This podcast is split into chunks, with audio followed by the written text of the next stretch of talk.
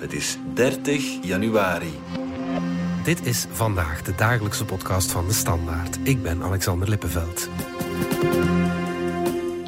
Komt er een nieuwe gevechtspauze in Gaza in ruil voor de vrijlating van alle Israëlische gijzelaars? Premier Netanyahu heeft er alle belang bij, want hij vecht voor zijn politieke overleven. En nu er in de regio drie Amerikaanse soldaten zijn omgekomen, wil ook Joe Biden zo snel mogelijk vrede. Is er door de druk van het internationaal gerechtshof een akkoord mogelijk? En waarom willen zoveel landen net nu niet meer betalen voor humanitaire hulp aan Gaza?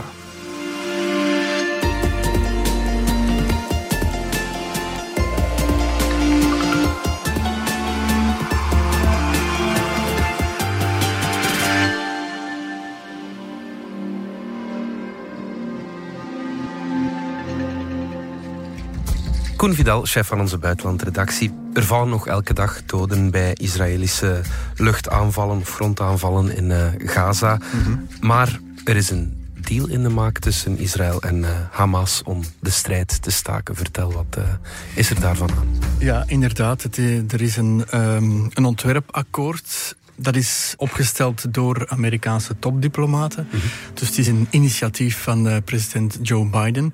Maar die neemt eigenlijk alle elementen, de eisen van Israël en ook de eisen van Hamas samen in één document. Mhm. En op basis van dat document wordt nu gesproken en onderhandeld in Parijs. Mhm. Op uh, vrij hoog niveau. Het is de CIA-baas William Burns die daar eigenlijk rechtstreeks vanuit het Witte Huis is ingevlogen. Ja. De Egyptische inlichtingenbaas, de Israëlische inlichtingenbaas en de Qatarese premier. Ja. Egypte en Qatar die treden op als bemiddelaar voor Hamas. Ja, ja, ja. oké, goed. En wat, wat ligt er op tafel?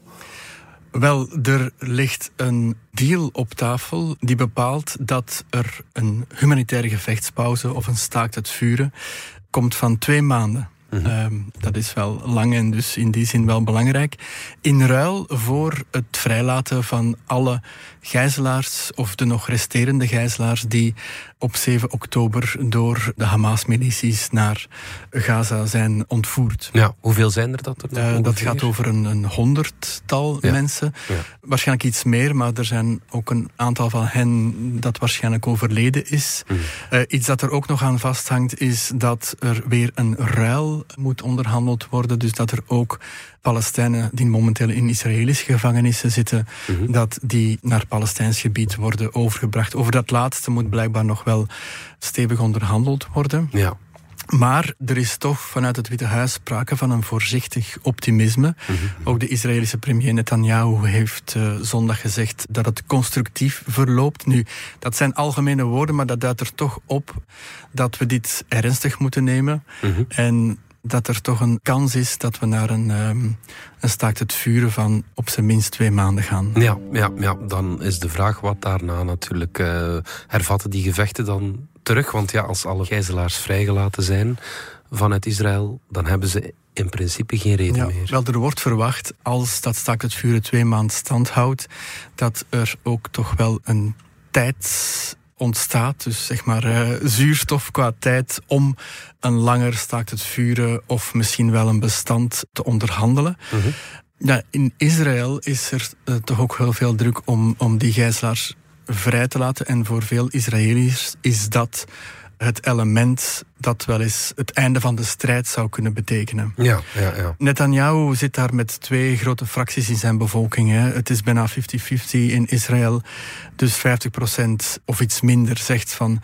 oké, we willen alle gijzelaars terug en dan kunnen we naar een bestand. Mm 46% zegt van nee, nee, wij willen Hamas vernietigen. Ja wat dat dan ook mogen zijn. Mhm. Ehm, dus dat maakt ook dat Netanyahu toch nog altijd tussen die twee fracties uh, geplet zit. Ja, ja, waarom zou Netanyahu nu wel akkoord gaan met een deal als hij al maandenlang zegt we gaan door tot Hamas vernietigd is? Wel, ik denk dat hij voor een stuk ook naar een uitweg wil, want mhm. het is helemaal niet duidelijk waar hij nu moet landen. Mhm. Er is geen plan. Er is geen duidelijke doelstelling buiten die gijzelaars dan. Dat is een heel duidelijke doelstelling. Ja. Als hij dat realiseert, dan heeft hij toch iets. Ja. En hij kan momenteel alles gebruiken, omdat er zijn een aantal peilingen over zijn populariteit en zijn tevredenheidsindexen, zal ik maar zeggen. Ja, ja. En eh, slechts 15% van de Israëliërs zegt dat hij eigenlijk nu nog kan aanblijven. Oké, ja. Dus een ja. overgrote meerderheid van de Israëliërs zegt van ja, weg met Netanyahu. Ja. En we weten dat hij voor zijn politiek overleven aan het eh, knokken is. Dus ja, die gijzelaars kunnen hem wel behoorlijk wat winst opleveren in een zeer penibele politieke situatie. Ja, er moet iets eh, veranderen voor hem. Hoe belangrijk is dat bestand voor Joe Biden en de Amerikanen? Ja, ook heel belangrijk. Joe Biden zit in een verkiezingsjaar met een deel van zijn linkerflank die toch meer en meer ja, pro-Palestijns aan het worden is. Zeker jongeren. Ja, en je voelt naarmate dat die oorlog langer aansleept, naarmate dat het aantal doden schrikbarend blijft stijgen op 26.000, zit Biden toch in een situatie waarin die oorlog maar beter vandaag stopt dan morgen. Ja. Het zou echt wel goed zijn voor zijn campagne als hij dat probleem opzij kan schuiven of kan oplossen. Dan heeft hij toch op zijn minst een deel van zijn achterban gerustgesteld en misschien wel aan zich gebonden. En ja, hij zit in een jaar waar elke stem nodig zal zijn, waar Ja. ook eh, je ziet Donald Trump eigenlijk in topvorm opereren. En Dat wordt een hele spannende strijd. En ja, Biden heeft elke stem nodig. Ja, ja, en daarbij komt nog dat er al een paar Amerikanen omgekomen zijn, soldaten in de regio.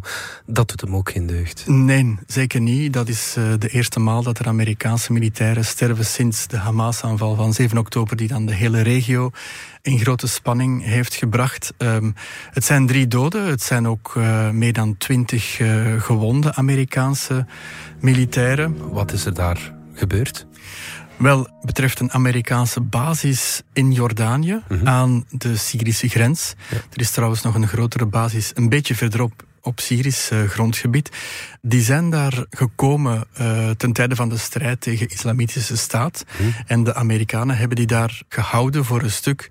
Ja, daar zijn nog veel milities actief, met name ook die pro-Iraanse milities, om daar toch nog aanwezig te zijn, om daar ook nog informatie over te krijgen, om te zien van ja, wat is daar nu aan de hand. Eh, zondag is dus die basis in Jordanië geraakt door een drone, met dus die doden en die gewonden tot gevolg. Dus ja, het moment dat er bodybags terug moeten gevlogen worden naar Amerika, is sowieso altijd een, een, een moeilijk moment voor eh, Amerikaanse presidenten. Dus ja, Joe Biden heeft er ook alle belang bij dat die, die spanning in de hele regio, die dan vooral door Iran wordt opgepookt via bevriende milities, zal ik maar zeggen, via de Houthis in Jemen, maar ook via pro-Iraanse milities in Syrië, heeft Iran eigenlijk wel veel vuurkracht. Ja. Eh, ook al kunnen ze altijd zeggen, ja, het zijn wij niet en wij hebben er niks van eh, mee te maken. Maar je kan toch wel zeggen dat Iran op hoog niveau aan het eh, stoken is momenteel. Dus hoe sneller Biden daarvan afgeraakt, hoe beter. Ja, ja, absoluut. Afgelopen vrijdag, Koen, was er nog een belangrijk moment in deze oorlog. Het internationaal gerechtshof heeft een tussentijdse conclusie gemaakt rond, dat, rond die aanklacht van Zuid-Afrika. Vertel nog eens waar dat, eh, waar dat over gaat en wat ze beslist hebben. Ja, wel Zuid-Afrika heeft die klacht ingeleid en zegt de manier waarop eh, Israël en het Israëlische leger nu Gaza bestookt en bestormt, komt eigenlijk neer op genocide. Het internationaal gerechtshof is met die klacht vertrokken. Nu, over die zaak ten gronde, dat moet helemaal onderzocht worden. Dat vergt tijd, dat zal pas binnen een aantal jaren zijn. Maar, belangrijk, het internationaal gerechtshof heeft geoordeeld... ja, er is een plausibel risico dat er momenteel een genocide plaatsvindt. Ja. Wat op zich wel heel zwaarwichtig is. Ja, ja, ja, ja. genocide is de zwaarste oorlogsmisdaad, eh, Inderdaad. geloof ik. Hè? Ja, Ja. ja, ja. En er zijn inderdaad dringende voorlopige maatregelen afgekondigd. De belangrijkste is dat Israël momenteel al het mogelijke moet doen om een eventuele genocide te vermijden, te stoppen. ja. Dat komt erop neer dat eigenlijk de militaire campagne zoals ze eh, sinds 7 oktober verloopt, dus met heel veel zware bommen, met zeg maar de zwaarste militaire middelen met 26.000 doden tot gevolg, waarvan 70% vrouwen en kinderen. Die aanpak moet stoppen, zegt het hmm. internationaal gerechtshof. The state of Israel shall, in accordance with its obligations under the Convention on the Prevention and Punishment of the Crime of Genocide, in relation to the Palestinians in Gaza, take all measures within its power to prevent the commission of all acts within the scope of Article 2 of the Convention. In particular, A. Killing members of the group. B. Causing serious bodily or mental harm to members of the group.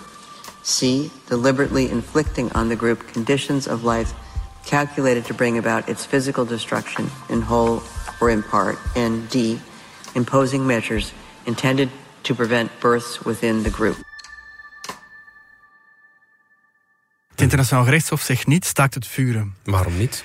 Dat heeft te maken met het feit dat het is niet aan het internationaal gerechtshof om te zeggen van Israël, jullie hebben niet het recht op verdediging, zelfverdediging, sinds die aanval van Hamas op Israël. Ja. Dus het internationaal gerechtshof wil dat recht op zelfverdediging niet ontnemen. Het insinueert zelfs van jullie hebben dat recht op zelfverdediging na zo'n moorddadige raid. Maar het moet wel op een manier gebeuren dat het voor de burgerbevolking Ja. niet zo'n zware tol eist. Het moet proportioneel zijn tussen Het moet proportioneel zijn en Ja. zoals jullie nu bezig zijn, is het niet proportioneel. En zijn er zelfs plausibele aanwijzingen dat het om een genocide kan gaan. Ja. Hoe historisch is dit, Koen? Ehm, ja, dit is, ik moet zeggen, helaas heel historisch. Want helaas in de zin dat ehm, ja, het internationaal gerechtshof oordeelt eigenlijk op basis van het genocideverdrag van 1948. Dat tot stand is gekomen na de Tweede Wereldoorlog, dus na de Shoah, na de Holocaust op de Joodse bevolking. Israël werd ook altijd gezien als een van de bewakers van dat genocideverdrag. Dus eigenlijk is het heel dramatisch toch wel dat Israël nu in het geding is als dader, Ja. mogelijke dader hè, Ja. van een genocide. Ja. En we kunnen nu toch wel zeggen dat ja, Israël op dit moment ernstig in verdenking wordt gesteld dat het een genocide aan het plegen is. Ja. ja. Dat is toch wel heel zwaarwichtig. Ja, hoe reageren ze daarop? Zetten ze die verplichtingen nu ook om in daden of leggen ze het gewoon naast zich neer? Ja, nog voor die tussentijdse uitspraak van vrijdag bij monden van premier Netanyahu zei Israël van ja, dit is een, een onaanvaardbaar proces, dit is obscene, dit is weerzinwekkend. The charge of genocide leveled against Israel is not only false, it's outrageous. Dus met die woorden werd eigenlijk al, ja, voor wat betreft Israël, de geloofwaardigheid en het nut van heel de zaak eh, ondergraven. En ook toen die tussentijdse uitspraak kwam, werd gezegd van. Ja, het enige goede ding is dat jullie het recht van zelfverdediging erkennen. maar, maar voor de rest is dit eigenlijk kwatsch. Nu, dat werd ook wel verwacht van Israël natuurlijk.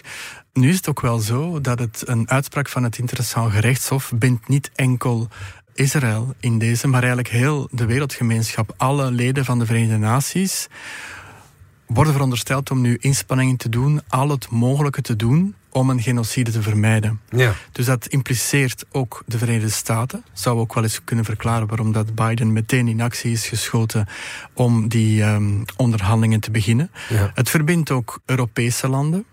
Het verbindt ook Duitsland, dat ook al maanden in een, in een bijzondere positie zit als bijna een absolute bondgenoot van Israël. Accusing Israel of genocide is a complete distortion of victims and perpetrators, in my view, and it is just wrong. von Opfern und Tätern beziehungsweise falsch. Zal nu ook moeten gaan nadenken wat doen we met die uitspraak van het internationaal gerechtshof. En het bindt ook België. Ja. Misschien nog extra omdat België vooraf heeft verklaard van kijk wij beschouwen ons officieel als vriend van de rechtbank. Ja. Dat is een beetje een oude manier van zeggen ja wij volgen deze zaak op de voet en als er een uitspraak komt, dan zullen wij ook al het mogelijke doen om die uitspraak na te leven. Dus daartoe heeft België zich verbonden. België is nu Europees voorzitter, tijdelijk. Wat betekent dat we van België nu wel kunnen verwachten dat zij die rol van vriend van de rechtbank effectief zullen uitspelen. Vrijdag was er die beslissing van het Hooggerechtshof Koen. Nu zijn er die onderhandelingen rond dat bestand. Hadden we dit nodig, zeg maar? Dat het gerechtshof dat duwtje gaf van jongens, er moet iets gebeuren? Ja, ik denk dat die, die extra duw echt uh, belangrijk en noodzakelijk was. En ook uh, ja, zeer wel gekomen. Ook voor landen die mee die onderhandelingen een duw willen geven, mee aan dat staakt het vuren willen werken, is dit een belangrijk moment geweest. Je leest het bijna in alle verklaringen kijk, wij kunnen dit niet naast ons neerleggen. Mhm. Dit gaat over het ophouden van de gevechten zoals ze tot nu toe gevoerd zijn.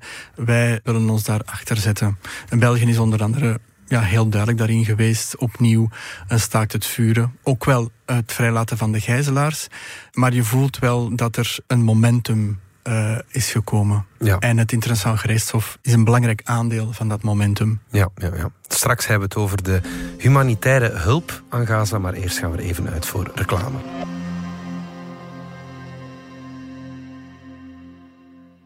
Gaat in het begin van het nieuwe jaar jouw autohart ook altijd sneller kloppen? Je wil gaan kiezen en de beste deals niet uit het oog verliezen? Kom dan naar een van de 35 Heden Automotive Showrooms en ontdek al onze vertrouwde maar ook onze verrassend nieuwe merken tijdens de Hedin Autofest maanden. Al onze merken geven u onvoorwaardelijk de allerbeste voorwaarden. Meer info op hedinautomotive.be. Hedin Automotive. More for you.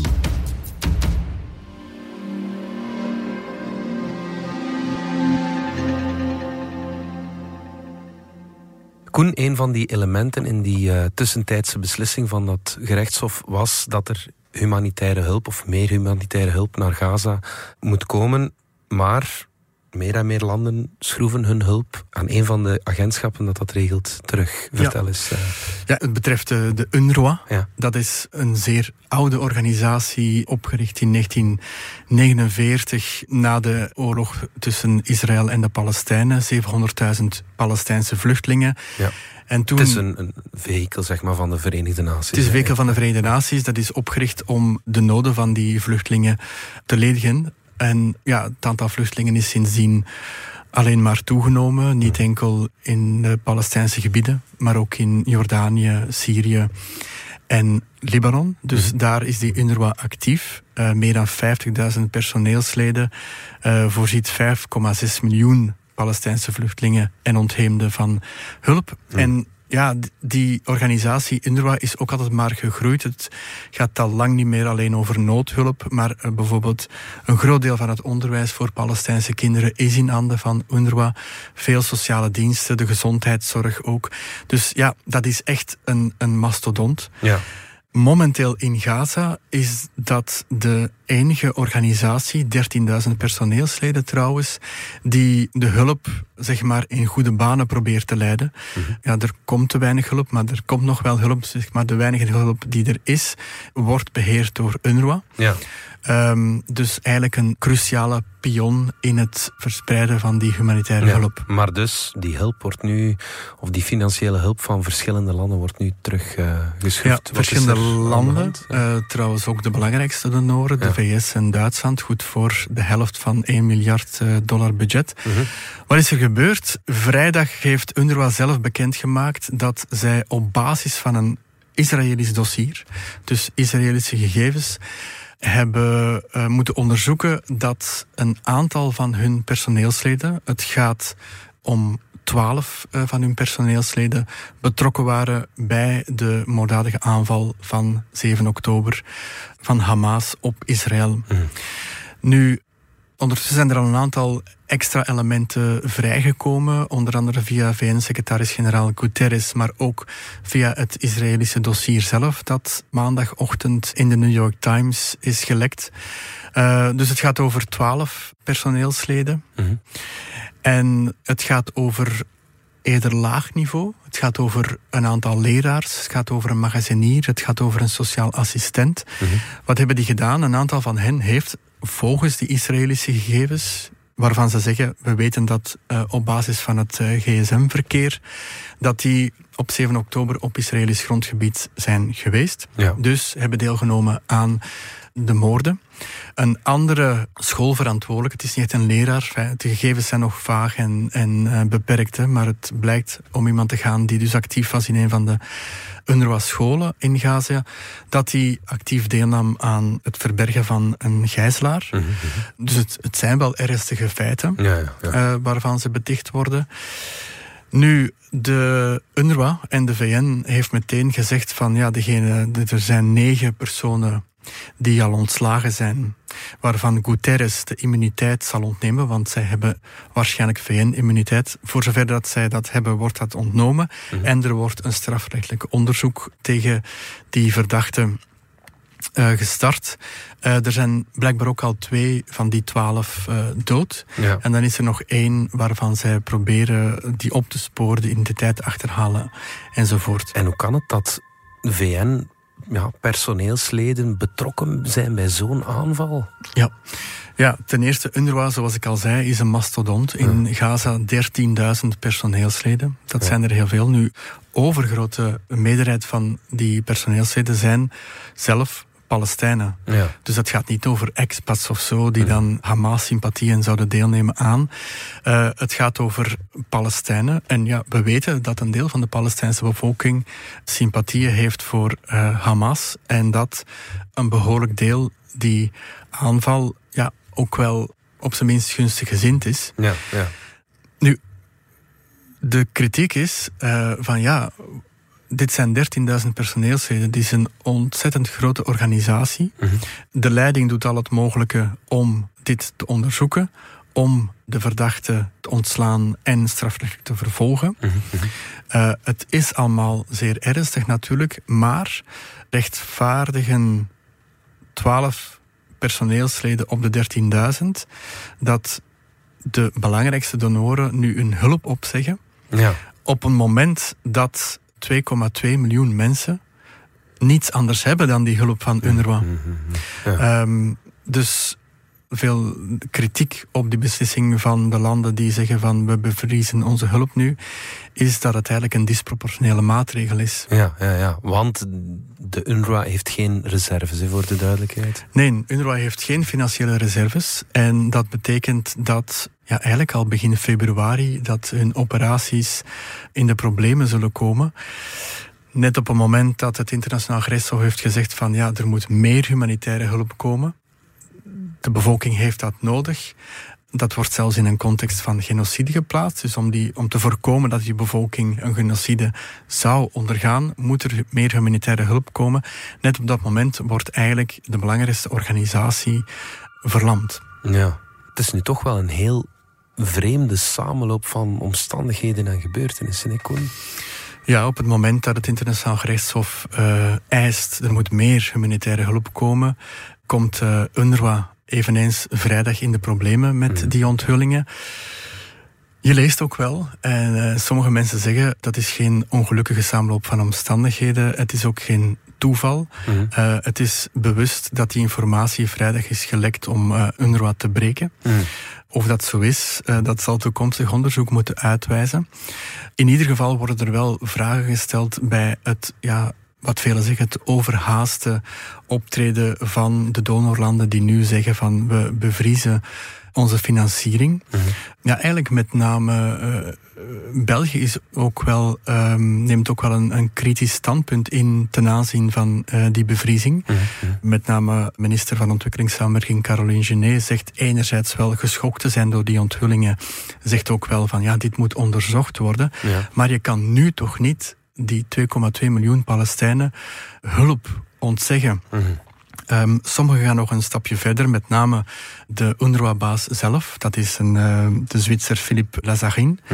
Die heeft het over een collectieve straf tegen de Palestijnen. Ja. Dus er worden twaalf Palestijnse UNRWA-medewerkers verdacht van deelname aan de Hamas-aanval ga je daarvoor een hele bevolking straffen. Mm. Dus trouwens ook de Egyptische buitenlandminister die gebruikt ook dat woord collectieve straf. Ja. En hun redenering houdt wel enigszins steek in de zin van, ja kijk, dit wordt onderzocht door de UNRWA en door de VN zelf.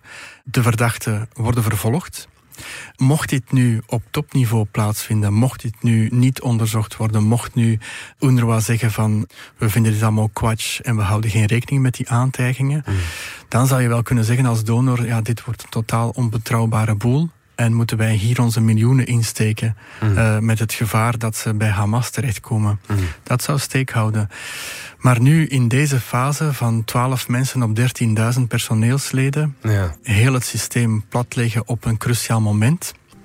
Daarvan zeggen velen, dit houdt geen steek. Ja, nee, absoluut niet. Goed, we blijven het volgen, Koen. En beste luisteraar, je kan het ook uh, volgen in onze krant, op onze website en in onze Gaza-blog, waar je alle laatste updates uh, kan lezen. Koen Vidal, dankjewel. Graag gedaan.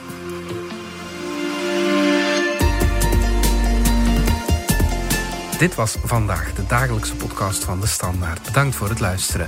Volg ons op Spotify, Apple Podcast of eender welk ander podcastplatform. In onze gratis FDS podcast kan je niet alleen ons werk beluisteren, maar ook de beste podcasttips terugvinden. Alle credits van de podcast die je net hoorde vind je op standaard.be-podcast. Reageren kan via podcast.standaard.be.